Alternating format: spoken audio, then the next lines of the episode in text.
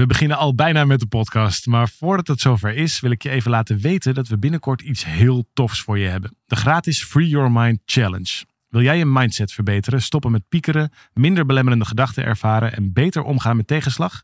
Schrijf je dan in voor deze challenge via www.365dagensuccesvol.nl slash challenge. Het is van 26 mei tot en met 29 mei en ik heb er heel veel zin in. We beginnen nu met de podcast.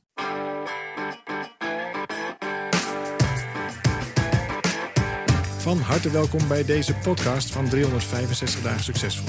Wij zijn David en Arjan en we delen in deze podcast de eye-openers die cruciaal zijn voor een gelukkiger leven. Leuk dat je weer luistert naar deze spik splinternieuwe podcast, mag ik wel zeggen, zo in de zomer van 2020. Hoe zit je erin, Dave?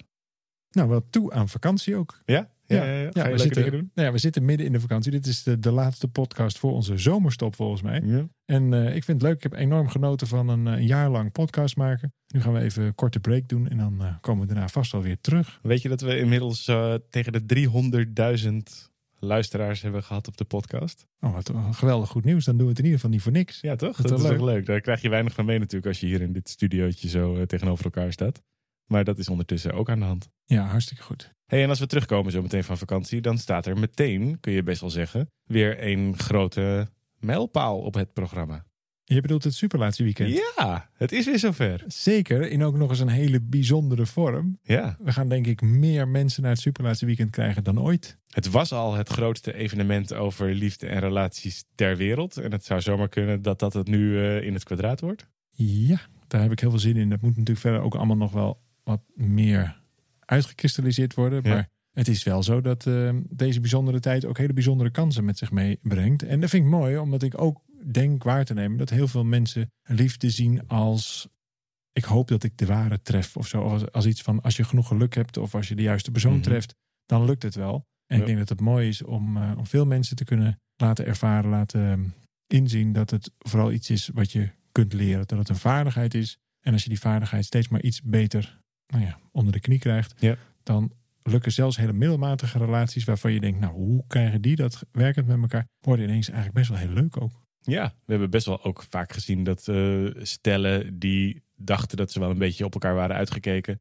Zelfs een aantal stellen die alweer helemaal eh, los van elkaar in eigen huizen waren gaan wonen. Dat die weer opnieuw verliefd op elkaar werden en weer het gezin verenigden en weer bij elkaar zijn gekomen. Maar ook singles die dachten dat het er niet meer in zat voor ze. Die opeens heel verliefd zijn geworden en waarin Baby's. kinderen Ja, geboren dat zijn zijn. gewoon baby's. Dat ja, is toch ja, wel. Ja, dus dat is in ieder geval. eh, het, is een, het is een evenement met, eh, met impact. En daarom verheug ik me er ook zo op. En ik denk ook helemaal in deze tijd, toch? Het is ook. eh, We hebben maandag gehad waarbij ook als je een gezin had met jonge kinderen, zoals wij zelf, dat opeens de hele tijd die kinderen thuis zijn doordat de scholen dicht waren. Eh, opeens zijn er andere verhoudingen qua werk, qua of je wel of niet eh, je ouders nog eh, kon zien of kon, de- de- je vrienden nog kon zien. En daarmee is er best wel een hoop terechtgekomen. Ofwel in je relatie als je die hebt. En als je geen relatie hebt en het wel heel graag wilt, is ook in één keer je hele nou ja, perspectief of je datingavontuur is ook opeens heel erg veranderd. Er is behoorlijk wat licht komen schijnen op de menselijke verbindingen. Nou, Dat is natuurlijk ook wat die anderhalve meter samenleving, wat een vreselijk woord is. Je had daar een ander woord voor trouwens, vond ik ook wel mooi. Social distancing, toen had jij een ander woord voor. Wat was ja, nou, dat, ik vind social distancing vind ik echt de slechtst gekozen term van Ja. de afgelopen Ja, coronacrisis. snap ik wel. want Dat is namelijk niet sociaal. Nee, en, en waar het uiteindelijk over gaat, is over physical distancing. En dat, ik bedoel, als we het over liefde en relatie gaan hebben, moet je daar ook nog maar over afvragen wat daar dan precies het ding in is. Maar het gaat erover dat je op veilige afstand van elkaar bent. Maar dat is iets anders dan sociaal, sociale afstand. En die kun je volgens mij juist heel goed wel opzoeken. Ja, mooi, mooi, eh, een mooi woord. Goed, maar daar gingen we het allemaal niet over hebben. Klopt, nee, liefde en relaties. En die, die worden de- deze keer misschien wel meer gechallenged dan ooit. Eh, zowel in een relatie als als je op dit moment alleen bent. En daarom kan het waardevol zijn om eens uit te zoeken met elkaar. Van wat liggen er nou voor onderliggende patronen onder? Wat zou je misschien zelf al kunnen doen? Ook als je partner daar niet zo voor open staat of niet zo in geïnteresseerd is. Of als je geen partner hebt. Wat zou je dan zelf kunnen doen om toch de kans op een leuker, fijner liefdesleven wat te vergroten? En het uitgangspunt daarbij is een uitspraak die wij vaak doen, waarbij het superrelatieweekend soms ook mensen boos op ons worden. Namelijk dat de meeste relaties al zijn mislukt voordat beide partners elkaar voor het eerst hebben ontmoet. De meeste relaties zijn al mislukt voordat je elkaar hebt ontmoet. En dat komt omdat je altijd jezelf meeneemt. Omdat je altijd jezelf inbrengt in een relatie. En daardoor heb je niet alleen een relatie, maar daardoor ben je ook de relatie. En als je dat gaat zien, dan zit daar ontzettend veel ruimte in.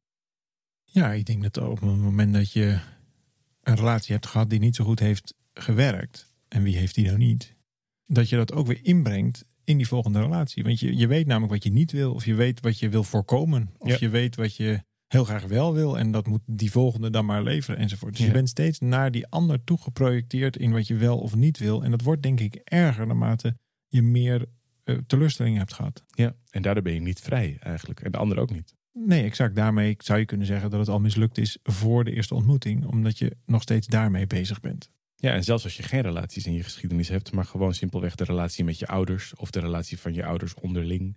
En je hebt altijd relaties gehad. Precies, Dat- ja, maar niet per se liefdesrelaties. Nou ja, dat zijn ook liefdesrelaties, maar niet Ja. in de romantische seksuele, vorm. romantische vorm die je daar maar dan bij voorstelt. Maar dat breng je allemaal in. Niet alleen maar de romantische vorm, maar alle vormen breng je daarop in. Ja, dus je brengt vooral je relatiebeeld in over wat een relatie eigenlijk is. Dat hele patroon zit al in je voordat je je relatie begint. Ja, je hebt als het ware een soort relatie-identiteit. Ja, En, en dat begint al met bijvoorbeeld, vertrouw je dat? Ja. Vertrouw je die ander? Ja. Vertrouw je de relatie, wat nog meer is dan alleen maar die ander? Ja. Vertrouw je überhaupt het andere geslacht of hetzelfde geslacht? Ja. Of vertrouw je überhaupt jezelf Mensen in een bepaalde situatie? Ja. Ja. Of, of, ben je op je hoede de hele tijd, bedoel je? Ja, bijvoorbeeld, nee, maar ik, ik ken ook wel gevallen van mensen die zichzelf eigenlijk niet vertrouwen. Mhm. Die weten van, nou, zet me maar niet in zo'n zo'n omstandigheid, want dat is niet goed voor de relatie. Ja. Dat is ook een vorm van niet vertrouwen. Ja. En, en dus zo zijn er allerlei dingen die je zelf inbrengt, die hebben dus niets met die ander te maken, maar hebben wel een direct effect op die relatie. Ja. Nou, helemaal als je dit dus niet bewust doet, je, bedoel, je luistert hier nu naar, je hebt er ongetwijfeld daar interesse in, in dat soort gebieden. Anders zou je namelijk niet naar dit soort dingen luisteren. Ja. zou je ongetwijfeld wel eens een boek over hebben gelezen. Of misschien ben je zelfs al een keer naar het Superlaatste Weekend geweest. Of iets vergelijkbaars. En dan helpt het dat je doorkrijgt dat dat soort processen zo werken. Maar moet je eens voorstellen dat je dit voor het eerst hoort of nog nooit hebt gehoord. En dan ben je eigenlijk de hele tijd gericht op wat de ander anders zou moeten doen. Nou ja, dan ben je in ieder geval altijd in gevecht. Ja. En dan ben je in gevecht met iets wat niet bestaat. Dus je bent in gevecht op een projectie op iets. In plaats van dat het echt gaat. Kijk maar eens bij, bij de laatste ruzie die je hebt gehad. Ging het echt over de ruzie? Ja. Of als je dat analyseert, ging het eigenlijk over nog een paar dingen waar je niet helemaal bij kon. Dus hadden we het maar over de ruzie. Waarschijnlijk was je al veel eerder geïrriteerd. En het wonderlijke is dat je daardoor vaak juist volgens mij precies dat creëert wat je zo krampachtig probeert te voorkomen. Moet je je voorstellen dat je eigenlijk verwijdering probeert te voorkomen of eh, gebrek aan verbinding. En wat, En- wat creëer je door ruzie maken bijvoorbeeld, of daar enorm punten van te maken? Verwijdering. Exact. En, en dit is misschien nog niet eens zo slecht. Want dit is denk ik in de meeste relaties niet te voorkomen. Is volgens mij ook geen doel in een relatie om dat te Nee, voorkomen. Crisis is, kan heel gezond zijn, denk ik. Nou ja, wat het voordeel daarvan is, ik bedoel het is er dan toch, is dat je het kunt zien. Dus op het moment dat je eigenlijk geen verwijdering wil, dat is jouw grote thema. Nou, Ja. dan is in jouw gedrag precies dat wat je creëert. Hoe kan het nou dat ik weer op zo'n foute man ben gevallen? Hoe kan het nou weer dat ik dit of dit? Ja. Dat is alleen maar omdat jij het dan weer kunt zien. Ja. En pas als je het kunt zien, kun je het veranderen. Dus het inzien van dat patroon, er zit ook het woord zien in, Ja. zorgt ervoor dat je in ieder geval kunt besluiten, oké, wacht even, dit wil ik graag anders. Nou, en dan ga je erin verdiepen. Dan blijkt dat veel meer een vaardigheid te zijn. Liefde en relaties, dat is echt veel meer een vaardigheid dan we denken. We hebben daar zo'n soort overdreven idee van romantiek overheen. Hollywood ingevreven. Ja, of dat het heel hormonaal is of iets. Maar het is echt veel meer een dynamisch principe. Het is een dynamiek. En dat betekent dat het, en wij zeggen het ook heel vaak, elke situatie is natuurlijk uniek. Ja. Maar de dynamiek is eigenlijk overal hetzelfde. En als je die dynamiek snapt, ja, dan wordt het zoveel leuker, zoveel meer verbonden, zoveel rustiger. Ja. En ik denk uiteindelijk ook heel veilig, Ja. heel erg verbonden en uiteindelijk heel gelukkig. Nou ja, misschien omdat wat we natuurlijk nergens leren is taal te geven aan dit soort dynamiek. Dus bij, wat wij natuurlijk doen is heel veel menselijk gedrag, eh, maar ook em- emotionele staat en allemaal dat soort zaken in hele simpele, overzichtelijke modelletjes schieten, overzichtjes schieten. Niet omdat die per se waar zijn, maar wel omdat je daarmee opeens een soort rastertje hebt of een brilletje krijgt waarmee je naar jezelf kunt kijken. En plotseling krijg je taal om bij jezelf te. En je ziet ook dat zie je ook in de zaal gebeuren van hè. Oh, nu snap ik waarom ik altijd dit, dit en dit. Of oh, nu wordt me helder waarom ik in deze situaties zo en zo reageer. Niet omdat dat dan nieuw voor ze is, Omdat je nog niet eerder op die manier naar jezelf hebt kunnen kijken. Daar komt volgens mij ook in zo'n relatieweekend heel veel verbinding vandaan. Omdat je voor het eerst ook met de ander in gesprek kunt. Op stukken waar je daarvoor wel voelde dat er iets was. Of probeerde gesprek te voeren op andere manieren. Door ruzies of door seks of door andere manieren van gesprek voeren en communicatie. Maar nu opeens heb je woorden en heb je concepten of zo om er naar te kijken. En ik denk dat dat voor veel mensen heel erg helpend is. We hebben het heel veel over verbinding. En misschien is het wel veel meer een verbinding in jezelf dan die verbinding met de ander. En dat wil ik graag toelichten. Licht eens toe, David. Ja, zal ik, dat, dat eh, graag. zal ik dat toelichten? Nee, je zit dat nu zo te zeggen, eh, van, van eh, taal geven en, en de modellen. En ik zit daarover na te denken en dan denk ik, ja, dat eigenlijk leer je daarmee veel meer je emoties, je diepere gevoelens begrijpen. Mhm. En daarmee ook weer diep, nog diepere gevoelens van, hé, hey, ik ben eigenlijk wel geliefd of ik wil eigenlijk wel graag gezien zijn. Hey, het helpt als ik mezelf zie enzovoort. Dat je dat vervolgens ook weer kunt ervaren. En dat is een verbinding op een plek waar je het waarschijnlijk niet verwacht. Namelijk tussen je linker en je rechterbrein. En wat gebeurt er op het moment dat je helemaal overgenomen wordt, overmand door emoties of overmand omdat je iets, eh, omdat je vreselijk boos ergens over bent, dan zit je in een bepaald Of bang. of bang bent of ja, whatever. Dan zit je in een bepaald hersengebied. Op het moment dat je dan weer een beetje bij je zinnen bent, zit je weer in een ander hersengebied. Op het moment dat die dingen los van elkaar bestaan, ja, dan kun je dus helemaal overgenomen worden door de boosheid, maar ook door de verliefdheid. Dan raak je compleet bij jezelf weg. Ja, dan ga je dingen zeggen als dit ben ik, dit ben ik eigenlijk helemaal niet. Ik ken mezelf niet op deze Nee, manier. doet hij anders nooit. Nee. En op het moment dat je helemaal doorschiet in het modeldenken, dan maak je een soort van analyse, een soort permanente pathologie van die relatie. Dan Dan raak je ook bij jezelf Daar wordt hij ook helemaal niet leuker Nee, van. nee. En dat is het interessante van, eh, nou in ieder geval van ons werk vind ik, is dat het steeds over die verbinding tussen die twee gaat. Ja. Dus het model is niet waar, maar de emotie, die primaire emotie is ook niet waar. En op het moment dat je die hand in hand gaat, dan komt er een soort kader, jij noemt het het rastertje. Ja, slechte woord. Nee, nee, dat vind ik wel mooi, want met zijn rastertje niet alleen om het denken en via taal, het is wel via taal, maar het is vooral om de emotie. Ja. Want op het moment dat je de emotie gaat zien, niet meer als een eindpunt, maar als een ingang, dan kom je ineens op de diepere drijfveer daaronder. Nou, daar heb je wat kennis voor nodig, daar heb je een, een manier voor nodig om dat te doen. Want het is namelijk best wel spannend. Nou, wat is nou het, belangrijkste stuk wat je, wat in ieder geval ons inziens het meest helpt om, dat, om daar te komen, is het samen doen. Niet per se alleen met je partner, dat zou geweldig zijn. Dat is denk ik het meest intieme wat je kunt doen. Namelijk elkaar bezoeken op je meest pijnlijke punten, op je meest eh, Kwetsbare eh, kwetsbare stukken. Ja, Precies, ja. het stuk waar je het meest voor schaamt. En die, die ontdekkingsreis, wordt. ja, Ja. die ontdekkingsreis van jeetje, ik ben gewoon vroeger zo bang geweest hier en hier over. Nou, nu ik dit van je weet, zegt dan je partner tegen jou, nu ik dit van je weet, snap ik eigenlijk ook heel goed waarom je er af en toe helemaal, helemaal even helemaal niet meer ziet zitten. Dat heeft dus helemaal niks met de situatie te maken. Dat heeft te maken met wat er vroeger is gebeurd. Ja. Nou ja, maar dan kan ik er gewoon voor je zijn. Dat heeft dus niks met mij te maken. Maar dan kan ik gewoon je lief zijn die ook gewoon voor jou is. Want ik wil niks liever dan je steunen. En dan kun je weer opnieuw uitreiken. Terwijl op het moment dat iemand zich aangevallen voelt, ja, dan krijg je natuurlijk een tegenreactie. Alleen die, die aanval ging in de first place al niet over dat onderwerp. Nou, als je dat snapt, dan krijg je dus die emoties een heel ander licht. En snap je? En dat is linker hersenhelft, rechter hersenhelft. Op het moment dat je er dus die verbinding legt tussen die beide dingen, je snapt, hey, deze emotie betekent misschien iets heel anders, dan krijg je dus ook een andere emotie. Dan snap je vervolgens, hey, daar ligt waarschijnlijk een emotie onder en mag ik dat bij jou bezoeken? Nou, als je dat loopje snapt, wauw, dan krijg je een, he- echt, echt een relatie op een heel ander niveau. Dan snap je denk ik ook de diepere reden waarom je überhaupt elkaar had uitgekozen. Omdat wat er gebeurt is dat je de bedreiging van vandaag, die, die houdt op. Je gaat namelijk op zoek naar de bedreiging van toen. Dat is iets, waar- daar zit je oorspronkelijke overlevingsmechanisme denk ik in.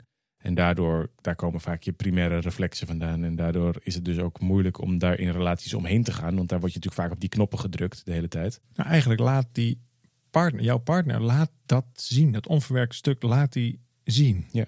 En dat is niet omdat hij nou de hele tijd maar, of zij nou de hele tijd maar die spiegel wil voorhouden. Maar het is, het gebeurt gewoon. Het is onvermijdelijk in een relatie. Omdat je zo intensief met elkaar bent. Ga maar eens tien dagen lang in een regenachtig tentje op Texel staan.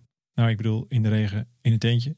Ja, regenachtig teentje. In een regenachtig, je snapt wat ik bedoel, een tentje in de regen. Ja, ja, ja. En dan, dan is het in het begin nog wel gezellig en romantisch. Maar je moet echt verlicht zijn om dat tien dagen lang in een klein vochtig koud tentje met elkaar gezellig weten te houden.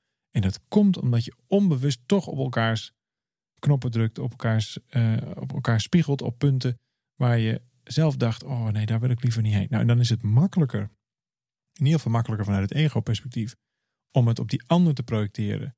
Van hé hey joh, dat vind ik vervelend als je, me, als je me dat spiegelt. Dan jezelf de vraag te stellen: waarom raakt mij dit nog? Nou, en wat, ik probeer dat dan in mijn hoofd, maak ik dat riedeltje dan af. Hè? Dus stel je voor, wat, er, wat je eigenlijk doet, is in plaats van de bedreiging in dit moment. We hebben ruzie, iemand wijst me af, ik ben niet leuk genoeg, ik word uh, op wat voor manier dan ook beschuldigd, nou, verwijt heen en weer. Dat is allemaal bedreiging in dit, in dit moment, in het nu. Die bedreiging uit dit, in het nu verdwijnt. Want opeens um, kijk je elkaar in de ogen, je gaat bij elkaar op bezoek, zoals jij dat noemt. En dan blijkt dat die bedreiging niet in het nu zijn oorsprong vindt, maar in het toen. Dus dan kun je opeens samen ergens naar kijken. In plaats van dat je naar elkaar kijkt en elkaar een soort van. Ja, wie het nou net eventjes net uh, retorisch het uh, slimste is, die, of manipulatief het slimst, die weet het bij de ander in de schoenen te schuiven. Opeens kun je samen kijken naar wat er toen is gebeurd. En dat heeft als consequentie volgens mij één fundamenteel ding, namelijk dat het veilig wordt. En zo gauw het veilig wordt, helemaal veilig, en check maar eens bij jezelf wanneer een relatie echt 100% veilig is, om dan dan komt er automatisch uit dat je helemaal jezelf kunt zijn. Dat je niet een stuk hoeft weg te houden voor een ander. Dat je kunt delen waar je je zorgen over maakt, waar je over twijfelt, waar je bang voor bent. En uit die veiligheid volgt bijna per definitie verbinding. En in de meeste gevallen blijft die verbinding weg omdat die veiligheid wegblijft. Waarom blijft die veiligheid weg? Omdat het conflict van vroeger of de angst van vroeger in vandaag staat. En dat, dat is een zichzelf in stand houdend loopje. Want elk, hoe, meer, hoe minder veiligheid er is, hoe sterker die bedreiging weer voelt. En daardoor ben je dit de hele tijd um, nou ja, levend aan het houden. en daarom zeggen we ook, je relatie begint pas na de eerste grote crisis. Ja. Dat is namelijk de uitnodiging om weer samen te kijken naar, hé, hey, wat gebeurde hier nou eigenlijk? In plaats van, dit lag aan jou en jij moet maar veranderen. Of dit ligt aan mij, ik moet maar naar, naar, de, naar de psychiater. Ja. En dat is wel hoe relaties vaak zijn... Uh, verlopen. Dat het eerder verwijt wordt dan samen kijken naar. Ja, dan een kans om elkaar te leren kennen. Ja, dus als je het oordeel uit die relatie weet te halen, dan wordt die veilig. Nou, als je dat riedeltje van jou helemaal volgt, al die stapjes, dan is dat eigenlijk pas het hebben van een relatie. Daarvoor deed je vooral alsof en was je om de hete brei heen aan het lopen. of je had een relatie met een deel van elkaar. Zeg maar. Ja, exact. Dus een, precies. Je hebt een, een deel wat heel prima was en een heel deel wat eigenlijk het liefst voorkomen moet worden. En af en toe val je in die, in die put. Gaat dat dan ooit helemaal weg? Dat weet ik niet. Alleen je, je, in ieder geval, ik val er af en toe gewoon nog met mijn geliefde, met Emmanuel val ik er af en toe in. Ja. Alleen we weten dat er onderaan een trampolinetje is inmiddels. Dus we kunnen er vrij makkelijk weer uit. Ja. En de gaten zijn veel minder breed. Dus de kans dat we erin vallen is veel minder groot. Maar we weten nu ook als we erin vallen, oké, dan is dit de techniek, dan is dit de persoon die we bellen, of dan is dit wat we doen om daar dan weer uit te springen. Dus de relatie begint eigenlijk pas op het moment dat je die diepgang zoekt. Daarmee is ook, ja, daarom vind ik het zo mooi. Een relatie begint pas na die eerste crisis, of eigenlijk in die crisis, is er of ontmoeting of verwijdering. Ja. Nou, op het moment dat je durft te kiezen voor die ontmoeting, dan word je steeds meer heel. Uh, in plaats van dat gevecht te voeren op, ja, dan is er een winnaar en een verliezer. Nou, dat doet uiteindelijk die relatie geen goed. En wat ik een heel mooi beeld daarbij vind, is dat er zoiets is als, ik heb het ook wel eens in een eerdere podcast gezegd, zoiets is als de derde entiteit. Dus je hebt de ene persoon in de relatie, dan heb je de ander, je partner, maar er is ook nog zoiets als de relatie zelf. De ruimte tussen jullie in. En als je dat ziet als een aparte entiteit, waar je 100% verantwoordelijk voor bent, dat is eigenlijk de ruimte waar je kinderen op groeien. Dat is de ruimte, het voelbare, niet zichtbare deel. Dat is eigenlijk wat die relatie is. Je voelt het wel, maar je kunt het eigenlijk niet zien. Het is niet helemaal van jou, maar je bent er wel helemaal verantwoordelijk voor. Het is niet helemaal van de ander, maar die is er ook helemaal verantwoordelijk voor. Nou, dan is de vraag hoe je die ruimte voedt. Is dat met oordeel, verwijt, dat lag aan die ander, et cetera? En dan wordt die ruimte een beetje troebel van en uiteindelijk gaat het stinken. Uiteindelijk wordt het gif. Of is dat een ruimte die van tijd tot tijd wordt schoongemaakt? Hé, hey, wat zit er nog tussen ons in? Kan ik die ruimte weer vullen met liefde? Wat is liefde? Is eigenlijk niks anders dan oordeelvrij bij die ander aanwezig zijn. In ieder geval een uitgesteld oordeel. Dat wil niet zeggen dat je niks mag voelen, maar op dat moment doet het er gewoon even niet toe. Je bent met je volle aanwezigheid bij wat er met die ander is. Jeetje, wat is met jou aan de hand? Dat is interessant. Of oh, dat raakt mij hier en hier. Dan zie je eigenlijk al in die, in die redenering dat het al niet meer helemaal over jouw volledige emotie gaat. Hoef je ook niet helemaal te leven, maar dan ben je daar gewoon bij aanwezig. Ook bij je eigen emoties. Nou, vervolgens doet die ander dat ook. En dan wordt vervolgens die ruimte steeds lichter en lichter en lichter in plaats van giftiger, giftiger, giftiger. Op dat niveau een relatie beleven, dan pas begint die relatie. En dit gun ik werkelijk iedereen. is wel grappig dat het superrelatieweekend door veel mensen als een, eh, als een jaarlijkse relatie-APK wordt genoemd. Hè? Die term hebben wij niet bedacht, dat hebben deelnemers bedacht. Nou, we gaan hier elk Klopt, jaar, ja. jaar in jaar uit, gaan we hier naartoe. Want het is belangrijk om even samen die ruimte op te zoeken, daar activiteit en ruimte voor te maken. Thuis komt het er niet van, er is altijd wel iets anders. En hier krijg je wat handvatten en wat hulp om dat eh, op, een, eh, op een fijne manier te doen samen. Misschien is dat bij ons eigenlijk ook wel zo. Sorry dat ik je onderbreek. Dat, daar zit ik nu ineens te denken. Hoe lang doen we dit nu? Echt al bijna tien jaar of zo. Dan, wij maken het natuurlijk elk jaar. En elk jaar moeten wij dus zelf ook Tuurlijk. Gewoon door die... Dat heb ik me nooit gerealiseerd. Maar door het te maken zijn wij natuurlijk verplicht. Dat kan niet anders. Want ja, onze mind gaat door die hele Tuurlijk, dagen al, al dagen van tevoren heen. En het is echt zo dat het prachtige reis is. En als je ook kijkt naar onze, allebei onze relaties, dan worden ze ook echt met het jaar mooier, dieper en, en ontzettend verbonden. Dus misschien werkt het eigenlijk wel heel goed. Nou, blijkbaar, en ik, wat wat ik zo leuk nu, nu jij dit net zegt over die ruimte schoonhouden. Opeens moest ik denken aan ja, zo'n APK. Toevallig heeft mijn auto laatst een APK gehad. En dan gaan ze dus ook echt filters schoonmaken. En dat is gewoon ook, ik vond nu pas snap ik dat die metafoor misschien wel beter gekozen is dan dat ik me toen de tijd realiseerde. Dus het is vaak niet eens zozeer over radicaal nieuwe dingen horen. Maar vooral samen kijken naar dat wat er is. En dat, op een, en dat weer op zo'n manier beter maken dat het steeds beter bij jezelf blijft. Het grootste compliment wat je je relatie kunt geven is volgens mij de bereidheid. En daar is echt moed voor nodig om Ja. er samen naar te kijken. Wat is hier nou werkelijk aan de hand? Wat is de diepere reden waarom wij bij elkaar zijn? Ja. En zodra je allebei aan diezelfde kant naar die derde entiteit kan kijken, namelijk naar die relatie als apart iets, als apart gevoelsding, Ja. niet zichtbaar en wel voelbare, ja, dan we zien het elke keer ontstaan. Vooral op dag twee van, de, van, de, van het Superratie Weekend. Dat is zo ontroerend mooi. Ja, is echt heel prachtig. En maakt het dan uit of je nu een relatie hebt of niet? Nee, Nee, want je brengt jezelf namelijk elke keer in, Ja. in die relatie. Het zit hem dus vooral tussen die verbinding van het linker en het rechterbrein. Van het begrijpen hoe emoties werken, hoe ervaringen werken. En vervolgens die ervaringen weer in dat denken kunnen brengen en vice versa. Nou, op het moment dat je dat snapt.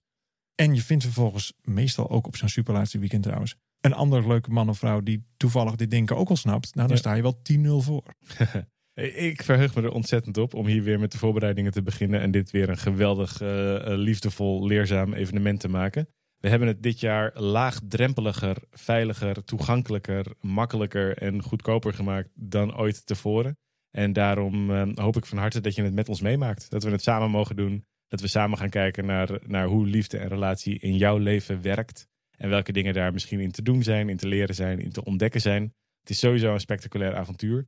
Dus ehm, hou in de gaten hoe het gaat met de toegangskaartjes en al dat soort zaken. Want het, ehm, nou ja, dat het heel bijzonder gaat worden, dat staat als een paal boven water. En het wordt nog bijzonderder als het met jou is. We wensen je een hele fijne zomer. Dank voor het luisteren. Dank voor al die andere podcasts die je wellicht ook hebt beluisterd. Mocht je er meer van willen weten, eh, abonneer je op ons Spotify-kanaal, iTunes-kanaal of je favoriete podcast-app. Dankjewel nogmaals. Heb een hele fijne zomer en dan zijn we na de zomer weer bij je terug. Groeten!